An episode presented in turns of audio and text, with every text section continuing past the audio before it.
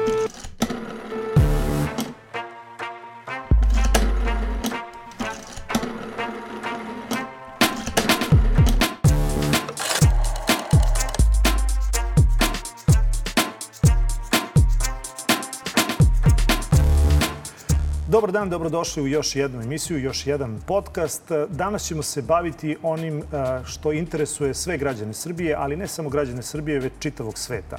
Moj današnji gost je Igor Jurić, e, predsednik fondacije Tijana Jurić, a koja je prerasla s vremenom u e, Centar za nestalu i zlostavljenu decu. Dobar dan, Igore. Dobar dan, hvala vam pozivu. Kada smo se nas dvojice dogovarali za ovo gostovanje, slučaj Mateja Periša nije na sreću postojao, međutim desilo se to što se desilo. Ovaj podcast se snima utorkom, e, četvrtkom se emituje, tako da ćemo se mi na neki način ugraditi. E, možda e, ova priča bude imala srećan kraj, pa Mate Periš bude pronađen živ i zdrav. Međutim, vi ste neko ko je ukazivao da je i u ovom slučaju, kao i mnogima pre toga, bilo dosta propusta. Šta vi vidite da je ključni problem u ovom slučaju nestalog Splićanina? Ključni problem mogu da kažem da, da jeste kasna prijava uh, za nestanak Mateja Periša i to, to mogu da vidim uh, kao jedan od, od glavnih problema, je li zašto se do sada Matej nije pronašao. Uh, samo da podsjetim gledaoce da je uh, Matej zvanično i ono što su sami e, njegovi prijatelji prijavili da je, da je zadnji put viđen negde oko 2 sata i 30 e, minuta ujutru, a oni su u policijsku stanicu otešli da prijave njegov nestanak u 10 sati ujutru. Spekulisalo se o tome da je on u 8, da su oni tek prijavili 18 časova, što nije tačno. Oni su u 10 sati ujutru otešli da prijave nestanak, međutim njih su policijski službenici uputili da oni još provere u bolnicama i na, na, na nekim drugim mestima da slučajno Matej nije tamo negde i da, da, da jednostavno se ne pokreće potraga već u 10 sati. Međutim, kad su oni sve to isproveravali, vratili su se još jednom u istu policijsku upravu i u 18 časova su zvanično prijavili nestanak i tada je u stvari zvanično i pokrenuta E, potraga za, za sami Matejem.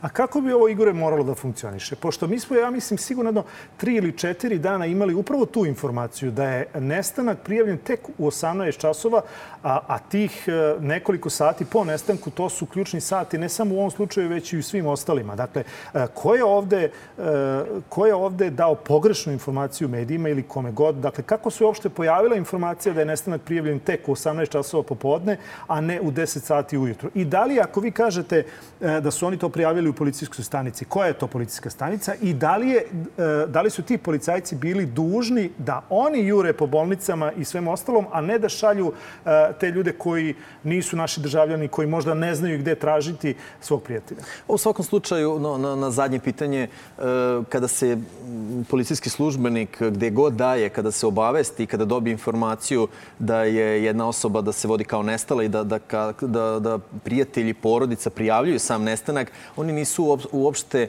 merodavni o tome da, da ih upućuju na neke druge stvari ili uopšte da, da rade neke druge radnje, osim da, da preuzmu sve podatke vezano za nestalo lice i da se policijski službenici pokrenu vezano za, za, za potragu za nestalim licem. Tako da to, to jeste jedan, da kažem, jedna greška u, u samom delovanju policijskih službenika.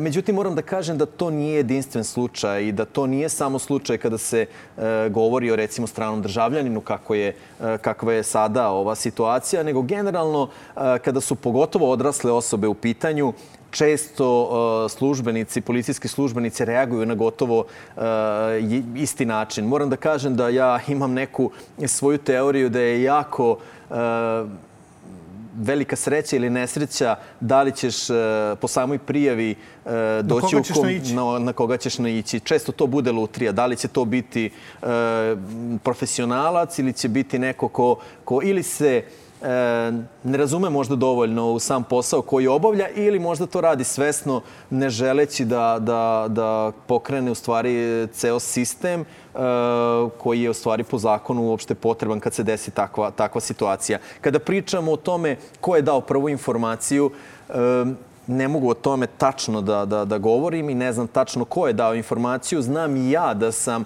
nakon uh, samog, samog informisanja, ovaj, kada sam pročitao te informacije, da sam ja izlazio u javnost, da sam govorio da je to zaista jedan predug period. Što i jeste, to, to nije nikakva tajna, ovaj, da, je, da je u stvari izgubljeno 15 sati od nestanka, što je zaista ogroman jedan period i ja vam kažem da da uh, kad se desi ovako nešto da su prva četiri sata ključna i sve statistike uh, kada, kada govorimo o nestancima osoba govore da se do u prvih sat vremena po prijavi da se, da se pronađe 25% osoba, pričam sada i o maloletnim licima, u drugom satu drugih 25, a sve posle četvrtog sata sam pronalazak uspešan pronalazak nestalog lica se ono bukvalno smanjuje iz sata u sat. I zbog toga su ti prvi sati izuzetno ključni i važni kada se radi o potrazi za nestalim licima. A da se ne bi igrali te lutrije na koga ćemo naići tamo u policijskoj stanici, da li neko obavlja svoj posao onako kako treba ili ne,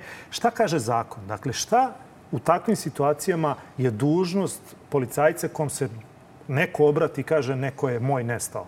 Po zakonu o policiji, dakle, po samom saznanju, da je jedna osoba nestala, svi policijski službenici su dužni da u skladu sa zakonom da pokrenu određenu proceduru koja se tiče pronalaska tog istog nestalog lica. Dakle, e, sami službenici nemaju jednostavno pravo da, da uopšte na bilo koji način odvraćaju, kao što se desilo u ovom slučaju, ili ubeđuju e, bilo koga ko prijavi e, da, da možda, e, da možda, ajde da kažem, ne prijavi da ta zvanična prijava ne ide sada. Jednostavno, procedura je vrlo jasna, zakon je vrlo jasan i precizan i nema tu uopšte dileme da li i šta treba da se uradi.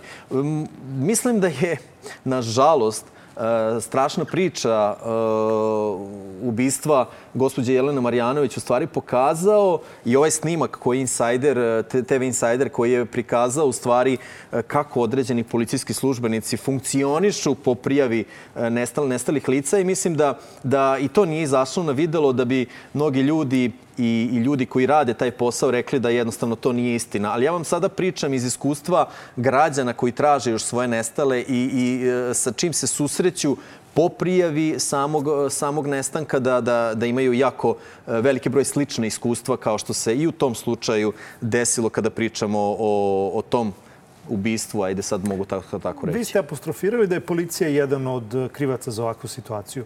A nije li e, i šire društvo, dakle i sve ostale institucije, nisu li i one zakazale? Pošto nekako se stiče utisak da a, prijava nestanka i uopšte nestala lica, da se to um, ozbiljno uopšte ne shvata u našem društvu. Dakle, e, svi misle, e, eto, pobegla od kuće zato što je e, možda se napila ili pobegla od kuće jer je ukrao očev automobil bez dozvoli. Tako, dakle, to su neki uobičajeni odgovori koje mi dobijamo kad su takve stvari u pitanju, a onda se, nažalost, desi da ta osoba zaista nestane.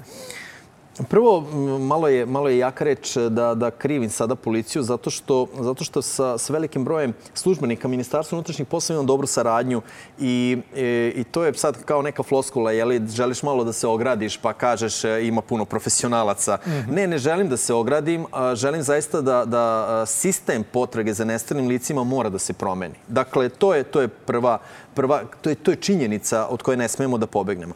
E, potpuno uh, na vaše pitanje, uh, ja, ja ipak mislim da je tu sistem zakazao. A reći ću vam i zašto. Kao društvo, mi pitanje nestalih lica ne shvatamo dovoljno ozbiljno zato što sistem nam ne ukazuje da je to problem. I nije uopšte, uopšte čudo kada, kada se desi nestanak jedne devojčice iz Niša, da, da i kada sistem sam za, takvom, za, za tom jednom devojčicom krene posle dva dana uh, u ozbiljnu neku potragu, uh, onda nemojte ni da, da se čudite kada neki građani kažu pa možda se ta devojčica udala, pa to su neki njihovi običaji, pa kao u našem slučaju, pa gde žurite? Pa ona je tek pola sata e, je nema, a vi već pravite problem oko, oko tog propusta. E, to, je, to jednostavno mora da ide od gore. E, mi moramo da edukujemo građane i mi moramo da, da građane naučimo kako da se ponašaju kada nestane jedno lice. Šta je bitno da, da svaki građanin zna vezano za prijavu samog nestanka. Koje su to bitne stvari za samu policiju da pomognu u potrazi? Koliko je u stvari nestanaka u našoj zemlji pa da ljudi u, u, u našem društvu shvate u stvari da to jeste jedan naš problem o kom mi ne vodimo dovoljno računa. Kad bi to krenulo od gore i kad bi se ta edukacija građana spuštala na dole, onda bi oni shvatali mnogo ozbiljnije celu proceduru, priču i uopšte problem nestalih lica. Međutim, ako E, mi danas nemamo registar e, nestalih lica. Ako mi pričamo, e, uopšte niti edukujemo građane o tome da koje su, koje su stvari, bitne stvari u prijavi nestanka. Ako mi i dalje građane koji prijavljuju nestanke određenih lica i, re, i oni sistem reaguje na taj način i to su odgovori koje dobijaju po samoj prijavi. Ne možemo mi da očekujemo da od nekog običnog građanina jeli, da, da shvati tu, tu stvar izuzetno ozbiljno. Tako da, da, da, da na vaše pitanje ja mislim da je to sistemski problem koji mora da se rešava od gore. Samo pre nego što vam postavim sledeće pitanje vezano za sistem, e, koji bi možda mogao biti rešenje za ovu situaciju. Evo, kad već pominjete statistiku da ljudi znaju, dakle, u Srbiji 2020. godine nestalo 1147 dece, nije pronađeno 44. Što se tiče punoletnih lica, 1372 je nestalo, 92 nije pronađeno. E sad, dakle, ovo možda govori o tome e, da je to ozbiljan procenat, ali kad pominjete sistem, nije li Amber Alert nešto što vi već, pa mogu sad reći i godinama, govorite da je to možda dobitna, dobitna kombinacija? Ja sam čitao nekoliko vaših intervjua da imate klimanje glavom od strane Ministarstva pravde i još nekih institucija, ali da za sada Ministarstvo, Ministarstvo unutrašnjih poslova, koje bi možda ovde na neki način bilo operativno najpozvanije da, da učestvuje u ovom sistemu, da ono ne reaguje. Za početak, dakle, e, zašto mislite da se ovde vrši jedna vrsta e, usporavanja e, uvođenja takvog sistema i da pojasnimo ljudima šta je to Amber Alert sistem? Pa prvo, na, na, na prvi deo vašeg pitanja moram da odgovorim da, da nažalost, nažalost, Ministarstvo unutrašnjih poslova apsolutno ne reaguje na naše pozive, na naše molbe, inicijative i to je, to je za mene jedna ogromna enigma šta se tu stvari dešava. E, ja moram da kažem, evo i uvek to ponavljam, da sam sa ministrom Vulinom dok je bio e, ministar za rad i socijalna pitanja, da smo mi tu imali neku saradnju koja je bila, ajde da kažem, korektna, niti smo nešto pretrano radili, ali nikad nismo ovaj, imali neku, neki problem oko, oko naše saradnje. Kad je bio ministar odbrane, znam takođe da pred samu ovu epidemiju da smo imali neke susrete gde sam ja želeo da decu koja su iz e, Vojvodine, a koja su opet e, nekog u nekom težem socijalnom stanju, da ih dovedem, e, da, da, da, da ih predstavim, jel tako, i da, da oni vide kako stvari rade neke specijalne jedinice naše, naše armije, da sam takođe kod njega dobijao neke pozitivne odgovore, da tu nije bilo problema. I onda od kad je došao na mesto ministra unutrašnjih poslova, ta saradnja je apsolutno i komunikacija je apsolutno stala. Mislim da je to na ličnom nivou, da to apsolutno ja nema veze sa... Za, zato i kažem, zato i kažem da, da ne znam da li je lični ili neki drugi razlog zašto, zašto je ta komunikacija izostala. Mislim da je neodgovorno pre svega da, da mi nudimo neka rešenja, da nudimo e, i naše iskustvo. Ja mogu da kažem slobodno, imam, imam jedno gorko iskustvo koje je vrlo bitno a, a shvatio sam kroz ove godine da se ta iskustva ponavljaju i sa drugim žrtvama. Dakle, nismo mi bili samo jedina porodica koja je prošla kroz tako nešto, pa nismo imali neku pomoć sistema, nego se to, nažalost, dešava i drugim, drugim porodicama. I zaista mi je želja da to unapredimo svi zajedno mi uz našu neku stručnost koju imamo, iskustvo koje je loše, hajde da vidimo da neke stvari unapredimo, e, međutim, međutim odgovora zaista nema. E, ja moram da kažem da sam i za, za poslednje konferencije, okrugle stolove, sve smo organizovali e, i tema, jedna od glavnih tema je uvek bio Amber Alert.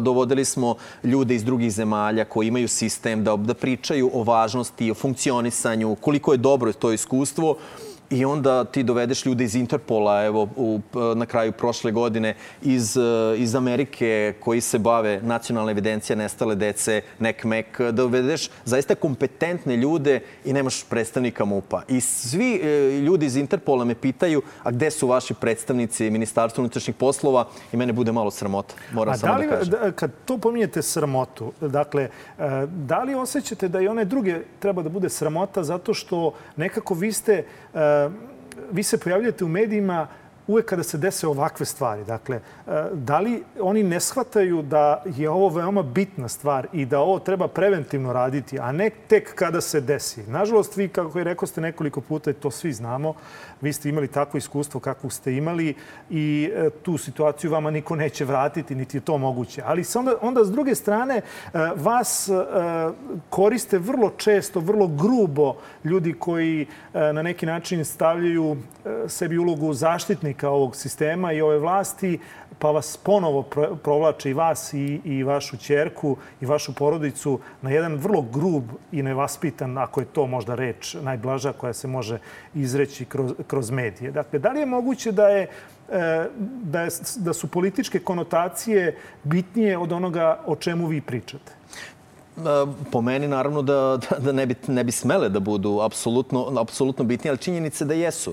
Jer, jer definitivno ja ni jednom momentu nisam nikada, nikada do sada nisam politiku mešao u celu priču. Ali je definitivno ako kritikuješ bilo koje pitanje ili, ili bilo, bilo koji deo samog sistema zbog nerada ili lošeg rada ili bilo čega drugo da odmah ulaziš jeli, u domen politike. Ja sam rekao da ja nemam, nemam apsolutno problem da, da uđem u domen, jer, jer e, sve ovo što treba, pa i Amber Alert je politička jedna odluka i mi ne možemo da pobegnemo od toga. Ne mogu ja sada da kažem da to nije političko pitanje, jer političari donose takve odluke. Ali jednostavno nadam se da će doći vreme da će shvatiti da su pozitivne kritike e, i argumentovane kritike e, važne za da bi ovo društvo bilo sutra bolje. Međutim, to se i danas apsolutno ne svata. I onda dolaziš u situaciju da kada uputiš jednu argumentovanu kritiku na, na račun sistema, da si protivnik, da si e, kako god, da si pripadnik neke druge političke opcije ili slično, što naravno nije tačno. Ali nemam problem sa tim to sam zaista onako oguglao, prerastao, ne želim više ni da budem žrtva, odmah da vam kažem. E, ja mislim da imamo organizaciju koja je vrlo kompetentna sa stručnim, izuzetno stručnim ljudima i mi želimo da rastemo. E, međutim, dolazimo do ovog e, pitanja kad su, čini mi se, shvatili da me više ne dotiče to što će me na ličnom planu udarati, da onda, da onda udaraju preko, preko mrtvog deteta, što je, što je potpuno nezamislivo. I, I to su sada pitanja koliko može, koliko može u stvari da, da, da, da se ide nisko i gde je granica. A granice definitivno nema i čini mi se da se, da se ta granica sve više pomeri, crvene linije e, više ne postoje, što je, što je zaista strašno. Ajde da pojasnimo ljudima dakle, šta je ovaj sistem Amber Alert i zašto je on bitan. Dakle, kako on u praktičnom smislu funkcioniše? Amber Alert je sistem koji po nestanku deteta, kada se ispune određeni kriterijumi, to je jako važno da kažem, eh, jer vi, vi ste rekli jedan statistički podatak koji je zvaničan podatak Ministarstva unutrašnjih poslova, a to je da je u 2020. godini prijavljen nestanak 1147 dece.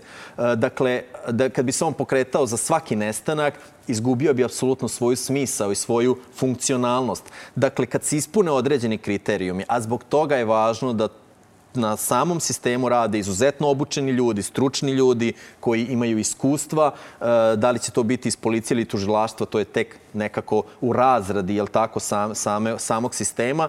E, da kada oni pokrenu sistem, da se sve e, televizijski, svi televizijski programi, da se automatski moraju prekinuti, da bi se objavila fotografija deteta, zadnje neke informacije koje policija u tom momentu dostavi, gde je zadnji put viđeno, šta je imalo na sebi, sve ono što je poznato u tim momentima samoj policiji, e, tada bi svi mobilni operateri na vaše telefone uz jedan vrlo neprijatan zvuk. Ti, ti zvukovi postoje sada u svakom novijem telefonu. Recimo u Americi je to bilo za neke nuklearne napade su se, bi se koristili. Pa to se koristi, recimo ove godine se to koristi u Grčkoj za požare. Upravo tako, upravo tako.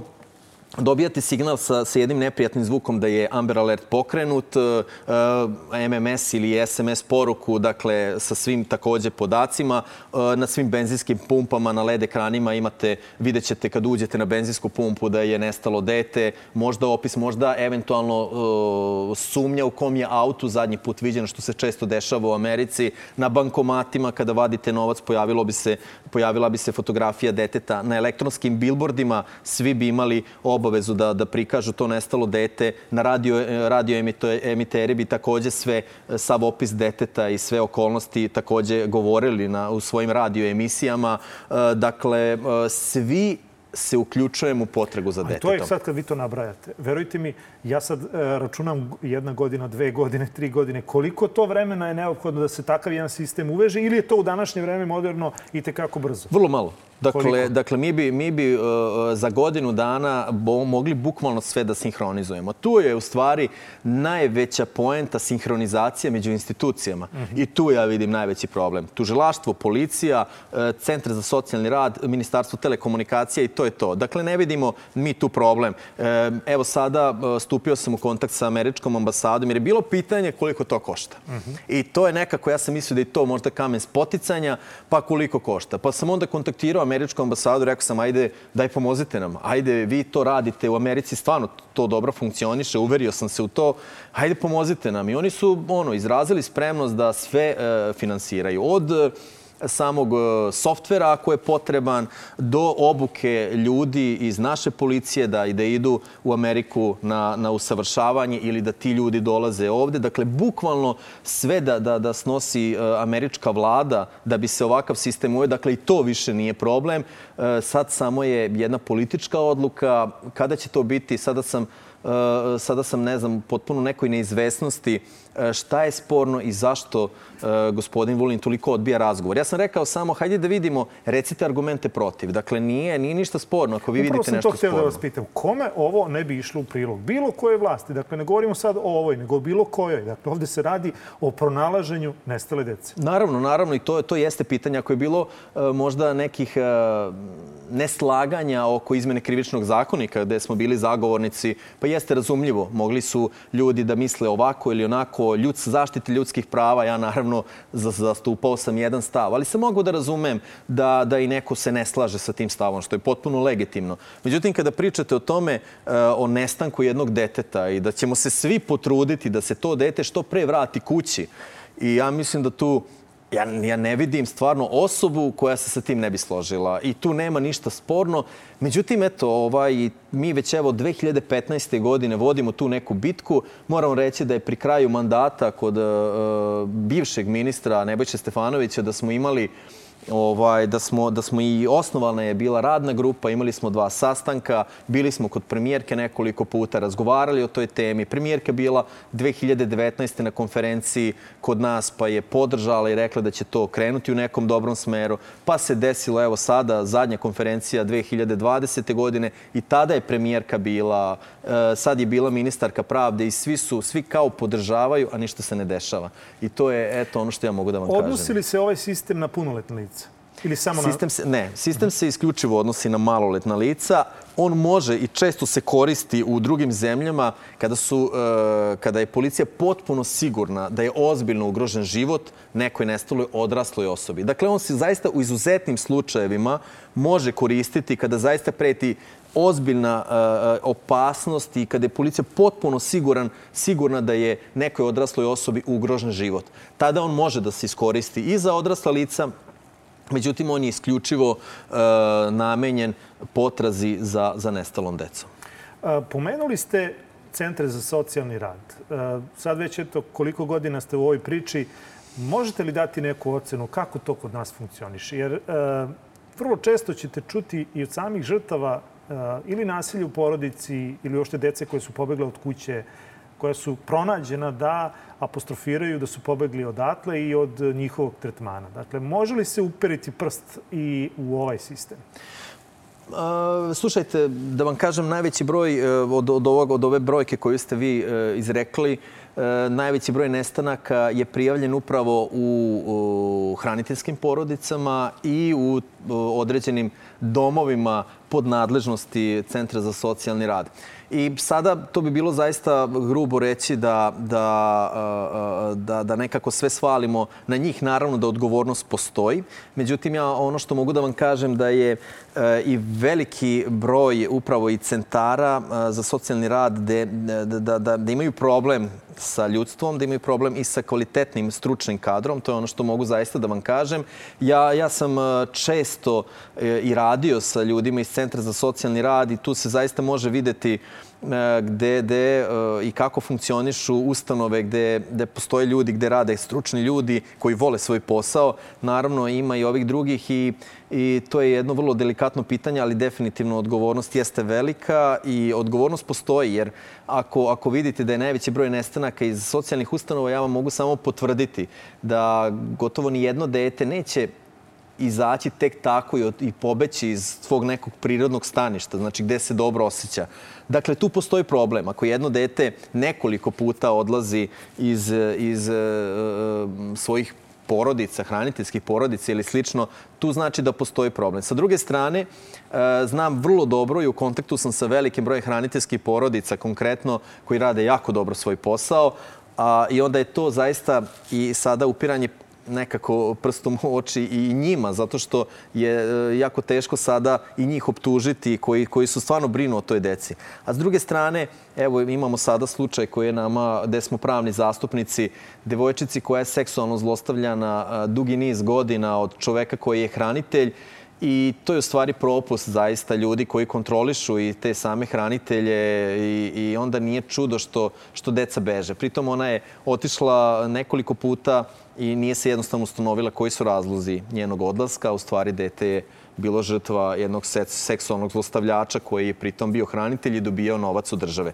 To je, to je generalno propust, propust e, koji nije ajde, generalno vezan za sve, ali, ali jeste propust svih nas, naravno. Kakva je situacija kad je reč o zlostavljanju dece u školama? Dakle, imali smo situacija gde ste i vi E, reagovali, ali nekako se stiče utisak da im, da su mediji poslednja instanca gde ljudi traže pribežište, da je to faktički e, poslednja slamka spasa gde ljudi vide e, možda neku nadu da će, da će pronaći nekoga.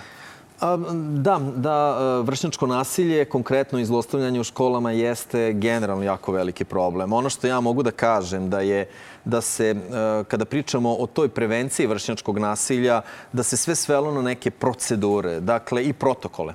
Dakle, kada se desi recimo slučaj vršnjačkog nasilja, to vam sa sigurnošću mogu reći, najbitnije je da se ispune određeni formulari. Šta je urađeno? Dakle, dakle, to je prijavljeno tu, to se mora napisati, jer ako nedostaje jedan formular, onda se uh, sva odgovornost prebacuje da li je to na školskog uh, psihologa, pedagoga, direktora ili nastavnika, uh, razrednog starešina ili slično.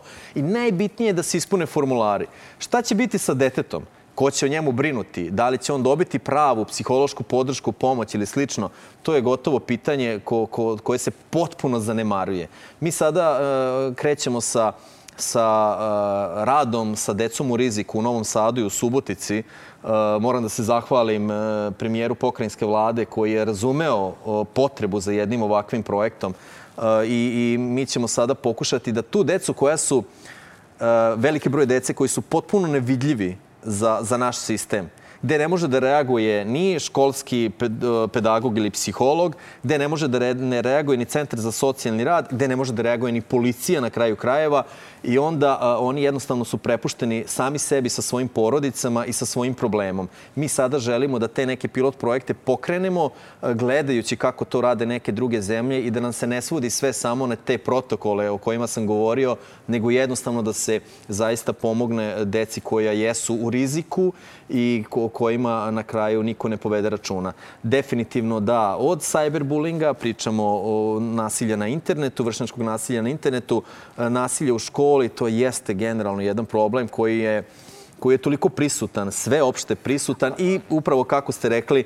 kada se već izgube sve moguće nade, onda neke stvari dolaze do medija, a čini mi se kada dođe do medija, onda već to e, neću da kažem, to su jako osetljive stvari, često može da bude potpuno kontraproduktivno i onda, onda se ulazi već u neku, neku drugu priču. A opet, bez medija i bez podrške medija, mnoge stvari se zataškaju, samo da, bi se, da se ne bi rejting škole narušio i da, da i, pošto je sada borba za svakog učenika, e, za svakog učenika da, da se ne gubi taj broj časova ili slično i onda to jeste jedna surova borba. Pomenuli ste cyberbullying, dakle to je zlostavljanje na internetu. Ja sam negde došao do podatka da je, takođe ako se osvrćemo na 2020. godinu, da je podatak negde 30.000 prijavljenih slučajeva u Srbiji. E, jesu li roditelji svesni ovoga? To je, da li roditelji uopšte znaju šta im dete radi na telefonu, na kompjuteru i koliko, kako prepoznati to? Dakle, kako e, do momenta kada je možda već kasno kako reagovati? E, naša organizacija, Centar za nestalu i zlostavljenu decu, je svoj fokus zaista bacio na tri stvari. To su To su nestala, nestala deca i nestale osobe, to su, uh, to su seksualno zlostavljana deca i, i mi se zaista trudimo da velikom broju te dece pomognemo i pomažemo im što uh, sa, sa radom sa našim psiholozima, što pravne, pravnu podršku koju im dajemo. I treća stvar jeste upravo uh, zlostavljanje putem interneta. Mi smo zaista naš, naše resurse bazirali na bezbednost na internetu i mi vodimo net patrolu. Mi smo nedavno članica InHope-a InHope je jedna mreža, globalna mreža koja se bavi uklanjanjem štetnog materijala sa interneta. Dakle, ako vi danas surfujete internetom i slučajno naletite na jedan link gde ćete videti i otvorite taj link, vidite da je e, to seksualno zlostavljanje dece, na primjer, vi to nama možete prijaviti. Mi dalje e, vidimo gde su, odakle stiže taj materijal i ukoliko je to u Srbiji, mi prijavljamo našem MUP-u, filtriramo te materijale i onda su oni dužni da to uklone i možda eventualno procesuiraju e, same vinovnike ili ukoliko se čak i snimao materijal još gore, e, ljude koji su to radili, a ukoliko je inostranstvu to šaljemo in hope pa oni dalje sa Interpolom e, rade na tome. E, moram vam reći da, da upravo radimo i veliki broj radionica u Srbiji. Moram vam reći da smo više od šest, gotovo 600 radionica sada odradili u celoj Srbiji, od malih do, do najvećih gradova naše zemlje.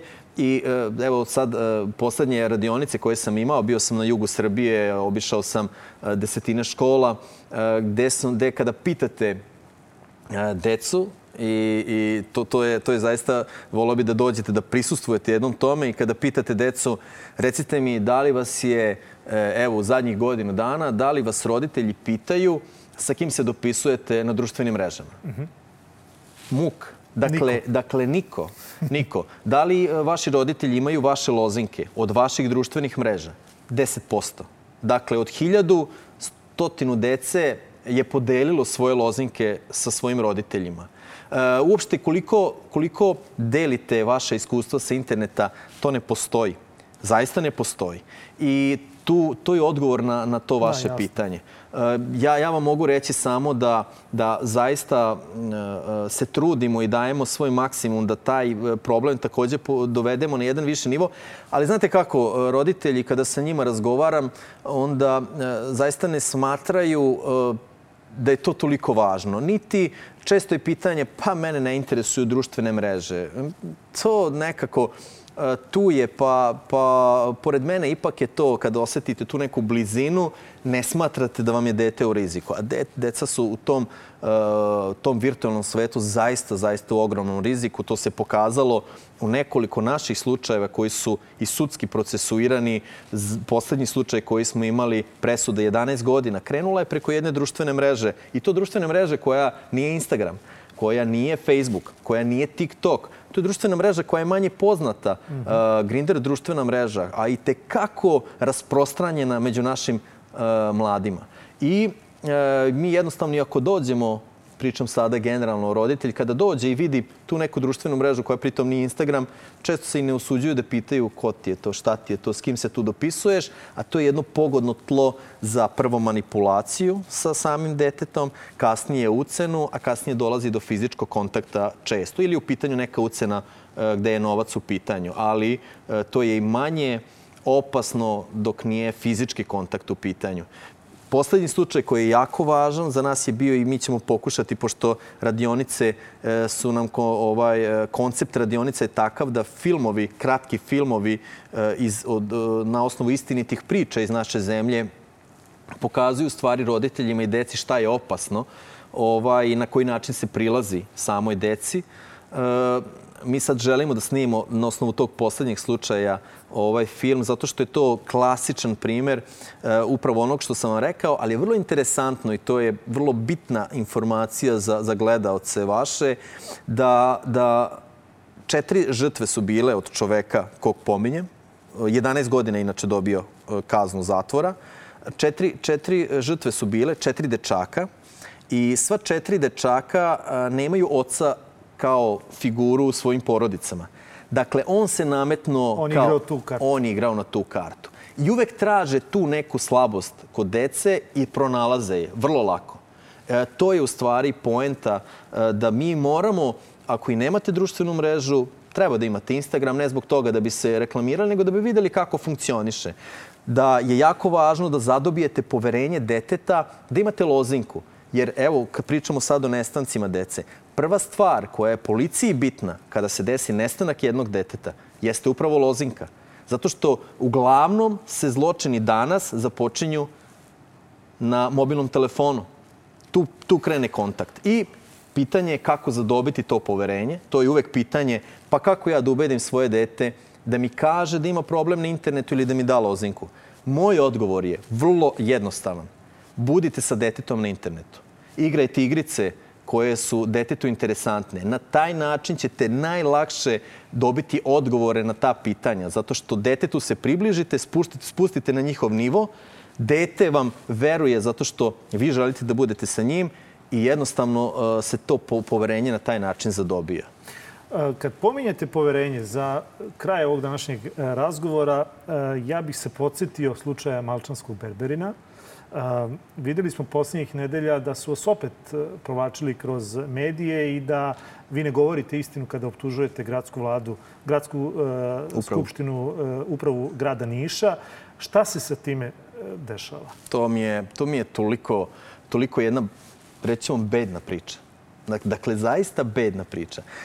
ja, sam, ja sam bio u martu ove, ove prethodne prošle godine, bio sam na, na razgovoru kod gradonačelnice Niša, jer sam prethodno dolazio, dolazim stalno. Mi smo u kontaktu svakodnevnom e, porodica Male Monike i, i, i ja e, i naši ljudi iz centra. Zaista, i bili smo, bili su na moru, da ne pominjem to. Dakle, imamo jedan jako korektan odnos. Ta, ta devojčica je mene kupila. Ne samo zbog onoga što se desilo, to je jedno divno dete. I dete koje nema uslove za život moje je viđenje stvari da je greškom države dete bilo žrtva, žrtva jednog monstruoznog silovatelja, da je deset dana provela u rukama jednog čoveka koji je njoj toliko naudio za ceo život, da ona se od toga neće oporaviti nikad. Zato što je čovek pušten pet godina ranije bez ikakvog osnova. Dakle, pušten je, ljudi su svi pretpostavljali da će on počiniti isto. Ja sam prvi pisao o tome. I onda se desi to što se desi I onda se svi, kad se sve završilo, pravimo ludi.